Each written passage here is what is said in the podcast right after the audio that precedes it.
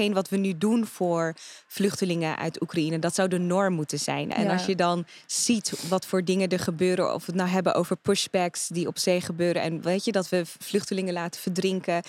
ehm, omdat je er nou, niet zo uitziet als misschien, of niet minder op de gemiddelde Nederlander lijkt, om het zo maar te niet zeggen. white passing bent of niet Nou. white. Ja. Dat eh, eh, en dat, dat dat het verschil maakt. Niet eens de omstandigheden. Want ja, ik zeg altijd: een oorlog in Oekraïne of in Syrië of in een ander land Ja. geeft dezelfde littekens en het zijn dezelfde slachtoffers die vallen. Ja. Leg je 50 cent neer en wees welkom op het Vrouwentoilet. Voor Internationale Vrouwendag hebben we een speciale samenwerking met het Amsterdam Museum.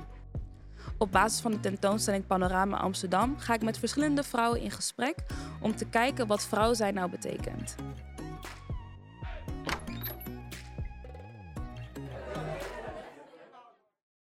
En vandaag zijn we met een speciale samenwerking met het Amsterdam Museum in de Oba Oosterdok met Milka Yemane. Hi. Hi. Ehm, het leuke van deze samenwerking is dat we op basis van een tentoonstelling in Amsterdam Museum een werk uitkiezen en daar eigenlijk het gesprek op baseren. Ehm, het werk wat je had uitgekozen was van Natasha Kensmil, eh, Monument of Regents. Ja. Een heel eh, groot en ook heel erg ehm, ja, zwaar werk, vind ik het eigenlijk toch wel.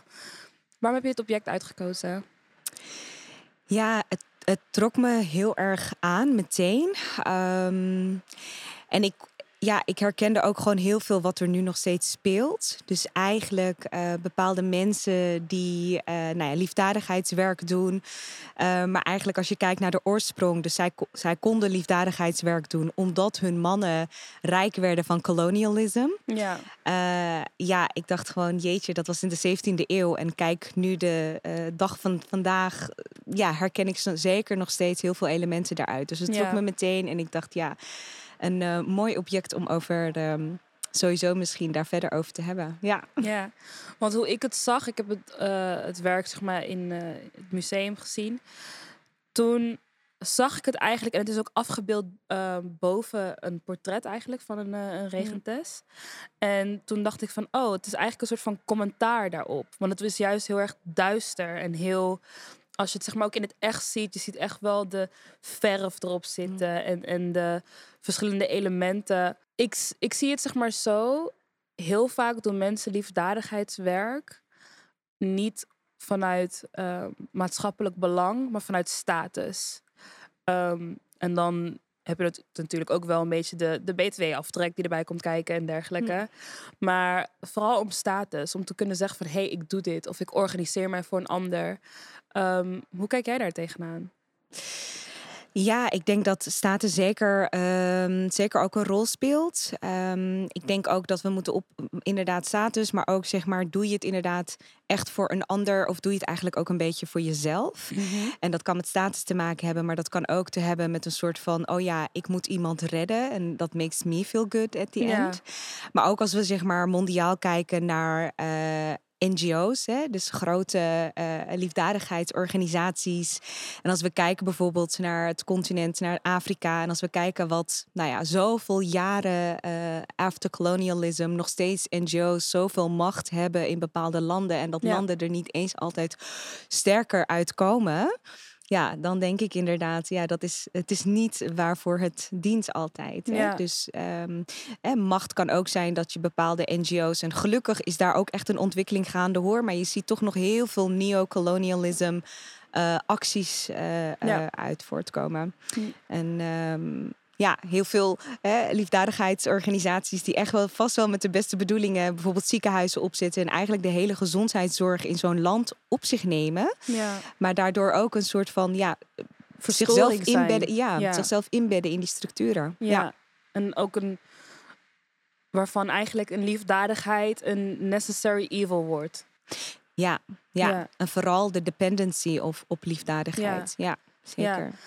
Toen wij dit werk bespraken, had je het over de hashtag die ik erbij had gezet. Ehm, dat is challenging the status Ja, quo. Want het is zeker. natuurlijk een element van hoe zijn eh, de regentessen die zijn afgebeeld, hoe komen hun aan die status? Hoe komen hun aan Ja. het geld? Hoe komen hun aan ehm, de kans om überhaupt liefdadigheidswerk te kunnen doen? Ja. Vertel, waarom vond je juist die? Ja, waarom die mij aansprak. Nou, ik had het net over het internationale, maar ik dacht, nou, laten we hem ook even zo naar, naar Nederland brengen, naar gewoon lokaal hier op nationaal gebied. En ik, ehm, ik heb al een tijdje een stichting, een stichting die zich inzet voor nou, beter beleid voor nieuwkomers, vluchtelingen, migratie. En als ik dan kijk naar ehm, hoeveel organisaties hier eigenlijk een beetje de usual suspects zijn. Dus eigenlijk de sta- status quo inderdaad zijn. Ja. Die eigenlijk al jarenlang iets doen met en voor vluchtelingen. Die dan altijd ook, eh, het zijn ook altijd die organisaties die dan altijd de subsidies en zo krijgen. Ja. Het is dan niet per se van dat ze het op een foute manier krijgen, maar het is wel van dat we zo gewend zijn dat het altijd de grote organisaties zijn die het krijgen. Ja. Dat je soms eh, grassroots organizations en heel veel, we hebben toch over Vrouwendag, eh, Internationale Vrouwendag, heel veel vrouwen, vrouwen van kleur, als ik kijk naar heel veel eh, vrouwen met een migratieachtergrond die zich echt dag en nacht inzetten voor hun communities, voor hun gemeenschappen, dan denk ik, wauw, zij zijn eigenlijk degene die dat podium verdienen of die, ehm, eh, die die structuren verdienen om echt aan hun organisaties te bouwen. Ja. En dat zie ik gewoon heel veel. Ik zie heel vaak dat de usual suspects, om het zo maar te zeggen, dat toch de grote organisaties eh, die ook weer het geld hebben om te lobbyen enzovoorts, dat, dat zij eigenlijk het beleid mogen uitvoeren en dat zij ook degene zijn die worden gesupport. Maar die vrouwen in die gemeenschappen, ja, voor mij zijn dat echt de onzichtbare helden, noem ik ze altijd. Ehm, ja, dat die vooral heel hard aan het werk zijn, maar niet het podium of die structuren krijgen die ze eigenlijk verdienen. Ja, ik denk dat sowieso in heel veel dingen waar wij eh, zowel politiek als op regeringsniveau als op zelfs kleiner subsidies, gemeenten, lopen we heel vaak tegen gewoontebeslissingen aan. Want zo noem ik die dingen eigenlijk van, oh ja, Ja. het is altijd zo geweest, dus Ja. we gaan het nu ook Ja, weer zo doen. Precies, ja. Ja. En dat we dan niet kritisch kijken, dat we niet proberen te evalueren, dat Ja. we niet bezig zijn met eh, impact, maar ook niet bezig zijn met eh, bewustzijn van Ja. culturele of etnische Zeker, vraagstukken die er ook mee te maken hebben. Ehm, de stichting die je hebt, in, in, op welk gebied eh, differentieert zich van wat er al bestaat, van die status quo eigenlijk? Wat doen jullie per se anders? Wat wij anders doen is dat wij, wij zijn volledig diaspora-led. Dus wij zijn zelf ook eigenlijk allemaal mensen met een eh, migratie- of vluchtelingenachtergrond. En wij willen proberen om beleid niet te maken door de, nou ja, toch vaak een witte perspectief, zeg maar, maar veel meer inderdaad cultuursensitief. Dus je had Ja. het net al over. Hè? Dus een heel concreet voorbeeld. Ik zeg altijd, ehm, als mensen hier net naar Nederland komen en ze moeten dan inburgeren volgens de wet, dan wordt dat altijd gemaakt door mensen die ook ja, niet per se die achtergrond hebben en die eigenlijk vanuit de Nederlandse blik heel erg gaan kijken hoe mensen uit de wereld hier moeten gaan inburgeren Ja, niet rekening houden waar mensen vandaan komen, hè, eh, waar die nuances liggen enzovoort. En ik geloof er heel erg in, en dat nou, slaat natuurlijk heel erg op op waarom representatie belangrijk is, waarom inclusievere eh, werkomgevingen belangrijk zijn. Dus dat je het via verschillende brillen moet kijken om goed beleid te maken, wat ook echt aansluit uit behoeften van mensen, wat ze nodig hebben. ja. En dat kan je natuurlijk breed trekken in alles. Of nou kunst, cultuur, welke sector dan ook. Het gaat gewoon weer terug naar waarom het zo belangrijk is dat er veel meer representatie is en diversiteit in alle lagen van alle organisaties. Ja. Niet zo lang geleden ging er op Twitter een foto rond van een inburgeringstoets of boek. Ja, En daar stond er volgens mij in, het licht gaat weer uit, we worden weer intiemer. Ehm daar stond er volgens mij in, ehm, welke mensen zullen, zich, zullen elkaar sneller groeten op straat, in een Ja. dorp of in een stad? Ehm, allemaal dat soort best wel rare vragen Ja. eigenlijk. En ook, ehm, ik persoonlijk zie het als strikvragen. Want als ik in een dorp rondloop en ik ken daar niemand, dan groet je ook niemand bij wijze van. Ehm, hoe iemand hier moet inburgeren wordt bepaald door de witte norm. ja, En op een, wordt op een manier samengesteld als in deze informatie moet jij weten. Maar A, is het niet verouderd ondertussen? ja. B, is het niet bedoeld om mensen buiten te sluiten juist? En ik denk dat het laatste voor C is het ook heel erg... Moet die normen wel zijn? ja, dat sowieso. Hè? Want ik vraag me ook altijd af, wanneer ben je ingeburgerd? Ja, Like, dat, dat heb ik dus ook is heel that, erg. weet je ja. wel? Dus eh, eh, dat sowieso. Maar ik denk heel erg wat jij net zei, ook wat je eerder zei over ehm, het, het inderdaad, zo'n inburgeringsexamen is voor mij echt het concrete voorbeeld waarom mensen eh, niet alleen door zo'n eenzijdige bril eh, Ja. beleid moeten maken. En het is gewoon een onderdeel, maar zo kan je het, weet je, op al zoveel verschillende onderdelen. Eh, maar je had het net over van, nou, er wordt er niet gemonitord, want inderdaad, oh, je hebt toch de usual suspects, dus ja, die mogen het weer doen. Eh, en daardoor mis je dus ook gewoon innovatie op heel veel Ja. dingen. En dat is zo zonde dat we gewoon dingen blijven doen eh, wat we altijd al doen. Dus ik zeg altijd heel vaak van die liefdadigheids- hè, of die NGO-sector of, of maatschappelijke middenveld, die zou eigenlijk veel meer ook misschien wel elementen kunnen halen uit bijvoorbeeld de technische sector of de Ja. IT, weet je wel? Omdat Ja. zij gewoon veel meer kijken van oké, wat is er nu nodig? Wat hebben we? Oh, misschien kan dat veel beter werken. Maar eh, ja, we blijven zo eh, makkelijk hangen in structuren die er eigenlijk al zijn. En heel vaak ook wel, ja, toch vanuit een neocolonialism eh, gedachtegoed. Ja. Ja, want voor mij, ik snap dat natuurlijk, maar voor de kijker thuis, wa- wat bedoel je als je zegt neocolonialism?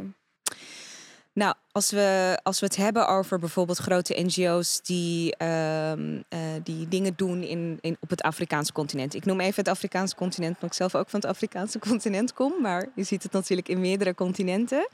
Ehm, dan gaan zij vast wel met goede bedoelingen eh, daarheen om te zeggen: Oh, die structuren moeten echt anders. Die moeten eigenlijk zo en zo en zo. Met Ja. jouw gedachtegoed, maar niet. Je probeert dus eigenlijk iets op te liggen, inderdaad, vanuit die witte norm. Ja, Terwijl het misschien helemaal niet past bij die behoeften of hoe een land gewoon opereert. Ehm, waardoor je dus eigenlijk die, die nou ja, hè, dus het- we zitten niet meer in een colonialism, maar wel die, de afterdip eigenlijk Ja. daarvan. Nog steeds met de gedachtegoed, nou, dit is de witte norm en wij gaan dat eigenlijk op jullie projecteren. En zo zouden jullie het land misschien moeten runnen of moeten nou ja, verbeteren. Ja, dus de factoren eigenlijk afhankelijkheid creëren vanuit een wit perspectief en eigenlijk ehm, de norm daar verstoren misschien zelfs. Ja, Ja, ja, want je dwingt mensen toch soort van om zich aan te passen aan de hulp die jij biedt. Ja. En als je niet aanpast, dan kan je Ja. die hulp ook niet ontvangen eigenlijk. Want dat is Zeker. ook wel heel vaak een factor. zeker. zeker. Ehm, als jij nu iemand mocht kiezen die, die je, nou ik wil niet zeggen slecht afbeelden, misschien moet ik dat niet doen. Laat me het leuk houden. Als jij iemand mocht kiezen die zeg maar nu een, een, een nou jawel, ik wil wel die vraag stellen. Sorry, ik ben heel erg eh, besluiteloos nu. Ik wil hem wel stellen. Wie zou jij op een Natasha Kensmail manier afbeelden? Dus eigenlijk Oh, als commentaar op de status quo, als commentaar op die ja, eigenlijk markt van NGO's. Mm. Zeg maar, wie of welke organisatie, laten we het over een organisatie hebben. Wauw, lastig. Ehm, nou, misschien wel wat heel nu heel actueel is. Mhm. Ik zag vandaag een tweet van een politieke partij. En ehm, hoe wij kijken naar vluchtelingen en hoe Mhm. wij nu kijken naar eh, misschien wel Oekraïnse vluchtelingen. Ja. En versus andere vluchtelingen. Dus ik zou misschien, ik weet nu niet zo 1, 2, 3 een organisatie per se. Maar er zijn natuurlijk eh, initiatieven die nu zeggen: oh ja, dat zijn echte vluchtelingen en de rest eigenlijk niet. Ja, je hebt vluchtelingen, vreemdelingen, gelukszoekers, et cetera, et cetera. Ja. Ja. En eh, eh, die dubbelzinnigheid en die eigenlijk uitsluitingsmechanismen die jij nu aan het inzetten bent als organisatie of partij of als individu, maakt ook eigenlijk niet zoveel uit. Alles wat daar nu mee bezig is, eh, dat zou ik misschien wel slecht willen afzetten. En niet, hè, want ik ben juist, ik vind juist hetgeen wat we nu doen voor vluchtelingen uit Oekraïne, dat zou de norm moeten zijn. Hè? Ja. Dat zou gewoon voor iedereen. Maar het feit dat je eigenlijk zegt, nou ja, hier doen we het wel voor. We gaan nu opeens keihard werken om allemaal opvangplekken te realiseren. maar als meteen mensen uit... mogen werken, meteen mogen studeren, gratis mogen reizen. Oh, dat blows my mind. Ja, Dan denk ik, Ja. waarom komt dat sowieso niet? Nou, dat dus. Hè. En Ja. als je dan ziet wat voor dingen er gebeuren, of we het nou hebben over pushbacks die op zee gebeuren. En weet je dat we vluchtelingen laten verdrinken. ehm, omdat je er nou, niet zo uitziet als misschien, of niet minder op de gemiddelde Nederlander lijkt, om het zo maar te niet zeggen. white passing bent of Nou. niet white. Ja. Dat, eh, eh, en dat, dat dat het verschil maakt. Niet eens de omstandigheden. Want ja, ik zeg altijd, een oorlog in Oekraïne of in Syrië of in een ander land Ja. geeft dezelfde littekens en het zijn dezelfde slachtoffers die vallen. Ja. Ehm, dus ik zou eh, alles wat, wat zich nu daar, die zich dus verzet tegen alle andere vluchtelingen, maar wel heel erg openhartig, nou daar zou ik misschien wel. Ja. Hun Ja. verdienen wel een, Natasha, Kensmil, uh, lekje verf. Ja, eigenlijk wel. Ja, nee, en, en terecht ook. Ik, ik zie dat soort dingen ook veel voorbij komen op Twitter. Ehm, ik probeer zelf online altijd wel een beetje in een roze bubbel te leven. Ehm, ik zeg ook best wel vaak van online is een beetje mijn happy space. Mm. Ehm, omdat ik eigenlijk heel erg zelf... Heel, ja, je kan zelf bepalen wat je wel of niet ziet. Ja. Ehm, maar dat betekent niet dat ik er helemaal blind voor ben natuurlijk. Nee, nee. Ik krijg het wel mee en ik ben er wel echt mee bezig. Maar ik probeer wel online altijd de leuke dingen op te zoeken. Ja. Dingen die me gelukkig maken. Dingen waardoor Ja. ik me goed voel. Omdat de wereld al zo ellendig is, wil je toch nog wel een soort van die momenten kunnen uitkiezen van... Hey, ik wil nu gewoon naar kattenfilmpjes kijken. ik, vind het gewoon, ik vind het gewoon even mooi geweest. ik, eh, ik, ik voel je helemaal. Ik heb dat ook. Ja, tuurlijk. Ik heb een. eh, er is zo'n page die, ehm, die ik. eh, en ik lijk wel meer van dat soort page. Die allemaal slow jams halen uit de 80s en de 90s. Nou, Ja. ik ben één RB slow jam fan. Oké, en dan gaan nice. ze allemaal van die quizzes van. Oh, welke slow jam was het beste? Of dan hebben ze van diezelfde titels. Welke, Ja. welke artiest heeft het het beste gedaan? Heerlijk. Ja, zeker. Nee, ja, zeker. En, en daarin vind ik het ook wel moeilijk met alles wat er nu speelt. Omdat tegenwoordig met social media voelt het een beetje alsof... als je er niet mee bezig bent, dan ben je niet goed bezig eigenlijk. Ja, En ik vind dat, dat het soms wel belangrijk is om een keuze daarin te hebben. ja. Ehm, je kan ook niet in alles. En het is Nee. zo, volgens mij hebben mensen ook niet door hoe.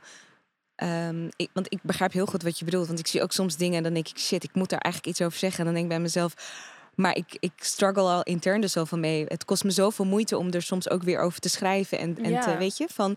Maar ik heb ook voor mezelf gezegd, ik, ik weet dat ik bepaalde dingen nog steeds belangrijk vind. En we moeten denk ik af van die standaarden dat, oh ja, je vindt het belangrijk genoeg als je het post of zo, weet je wel. Dat is eigenlijk een hele rare... uit? Ja, dat is eigenlijk een hele rare pressure eh, om nog meer pressure maar eh, op ons eh, te richten. Ja, en dus, ik denk ook vooral omdat heel veel vrouwen dat vooral toegeworpen kregen. Mhm. Ehm, Romy Noach zei het ook al, dat eh, de online wereld is eigenlijk best wel een vrouwenwereld in die zin. Weet je, vooral als je het hebt over de, de zichtbare social media. Dus de, de Instagram en de Ja. TikToks, et cetera. Het is echt een vrouwenwereld. Maar we worden ook aan zulke belachelijke hoge standards Ja. gehouden. Je zal je maar een keer verspreken. Nou, dat doe, ik, Ja. dat doe ik regelmatig.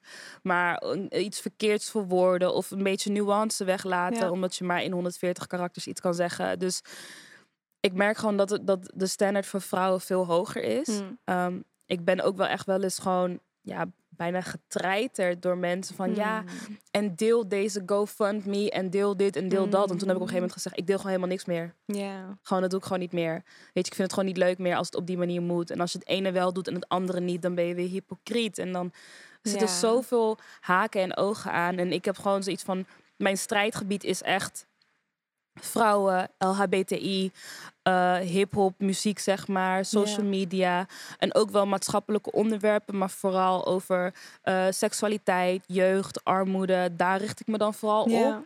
En de dingen die daar buiten vallen, dat zijn keuzes. Het hoeft niet. Weet je, en dat strijdgebied hou ik gewoon echt heel erg goed vast. En dat werkt nu voor mij ook. Maar het was Mooi. heel lang zoeken ehm, wat ik wel en niet Ja, zeg maar, over wil uitspreken. Ja. Wat, wat, wat zijn voor jou jouw strijdgebieden? Waar maak je echt hard voor? Ehm, waar maak ik mij hard voor? Ja, ik, eh, eh, ja, ja, het thema ongelijkheid is natuurlijk weer zo, weet je wel. Maar ja, wel ongelijkheid in het breedste zin van het woord. Ehm, uitsluiting en ja, zeker migratie. Dus Ja. echt alles wat we rondom migratie, mensenrechten die we eh, nou, zijn geschonden eh, op Nederlands niveau, maar zeker ook op Europees niveau, mondiaal niveau. Ehm, armoede, armoedebestrijding. Ik vind het nog steeds bizar dat in een stad als Amsterdam, dat we na corona mensen eh, die afhankelijk waren van de voedselbank alleen maar is verdubbeld, maar dat er tegelijkertijd wel weer heel veel meer miljonairs zijn bijgekomen. Sowieso mindblowing dat je in Ne- een land als Nederland zoveel mensen gewoon afhankelijk zijn geworden van de voedselbank Ja.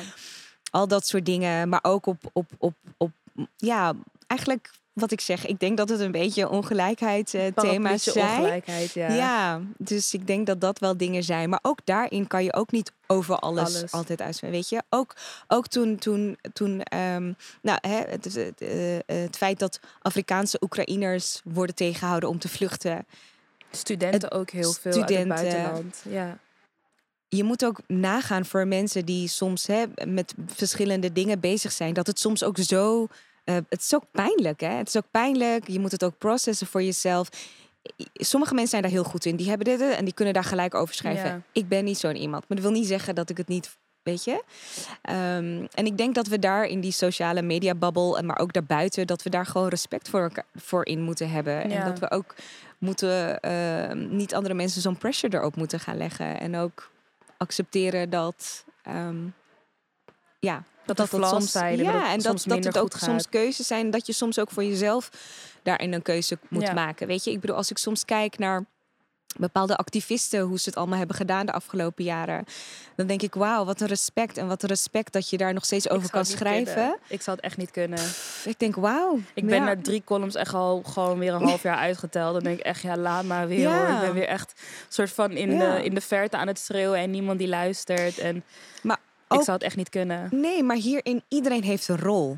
Voor de een is dit weggelegd. Voor de Ja. ander, die gaat de gesprekken daarover voeren. Weet je, jij hebt Ja. je podcast. De ander schrijft erover. De ander doet dit. Precies. De ander doet misschien wel iets helemaal achter de schermen. Daarom had ik het net over zoveel onzichtbare vrouwen van kleur... die juist weer heel hard aan al deze dingen, aan racisme enzovoorts aan het werken zijn... maar zonder dat ze bijvoorbeeld dat podium krijgen. Dus ik geloof ook altijd in van ieder heeft zijn rol... en respecteer die rol en we hoeven daar niet allemaal gelijk in te zijn. Helemaal eens. Ja, Jij gaat Natasha Kensmil een opdracht geven. Ze moeten nieuw werk maken. en het mag weer in dezelfde vorm zijn als Monument of Regents. Dus het mag weer een commentaar zijn op de status quo in de wereld. Wat wordt haar volgende werk? Ehm, Wauw. Mm. Ja, ik denk eh, om het hier bij dit onderwerp misschien te houden, want ik denk dat ik heel veel voorbeelden zou kunnen noemen, maar misschien nu omdat het zo eh, actueel is, zou ik zeggen van eh, ja, k- kijk niet met, ehm, kijk gewoon naar vluchtelingen als iemand die dat is een status, hè? dat is niet identiteit van een persoon. Ja. Het zijn bepaalde oorzaken dat maakt dat iemand vlucht een en asiel aanvraagt. ja. Ja.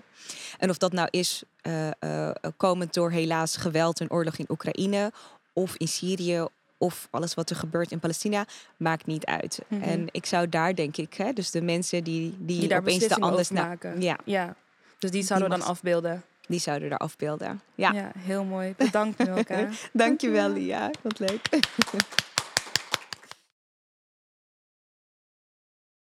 Bedankt voor het kijken naar Vrouwentoilet. Dit was een speciale aflevering in samenwerking met het Amsterdam Museum. Vergeet niet te abonneren, liken, subscriben. Volg ons op Spotify, Apple Podcast. Oh, en ook nog Instagram. Vergeet je handen niet te wassen en I'll see you soon.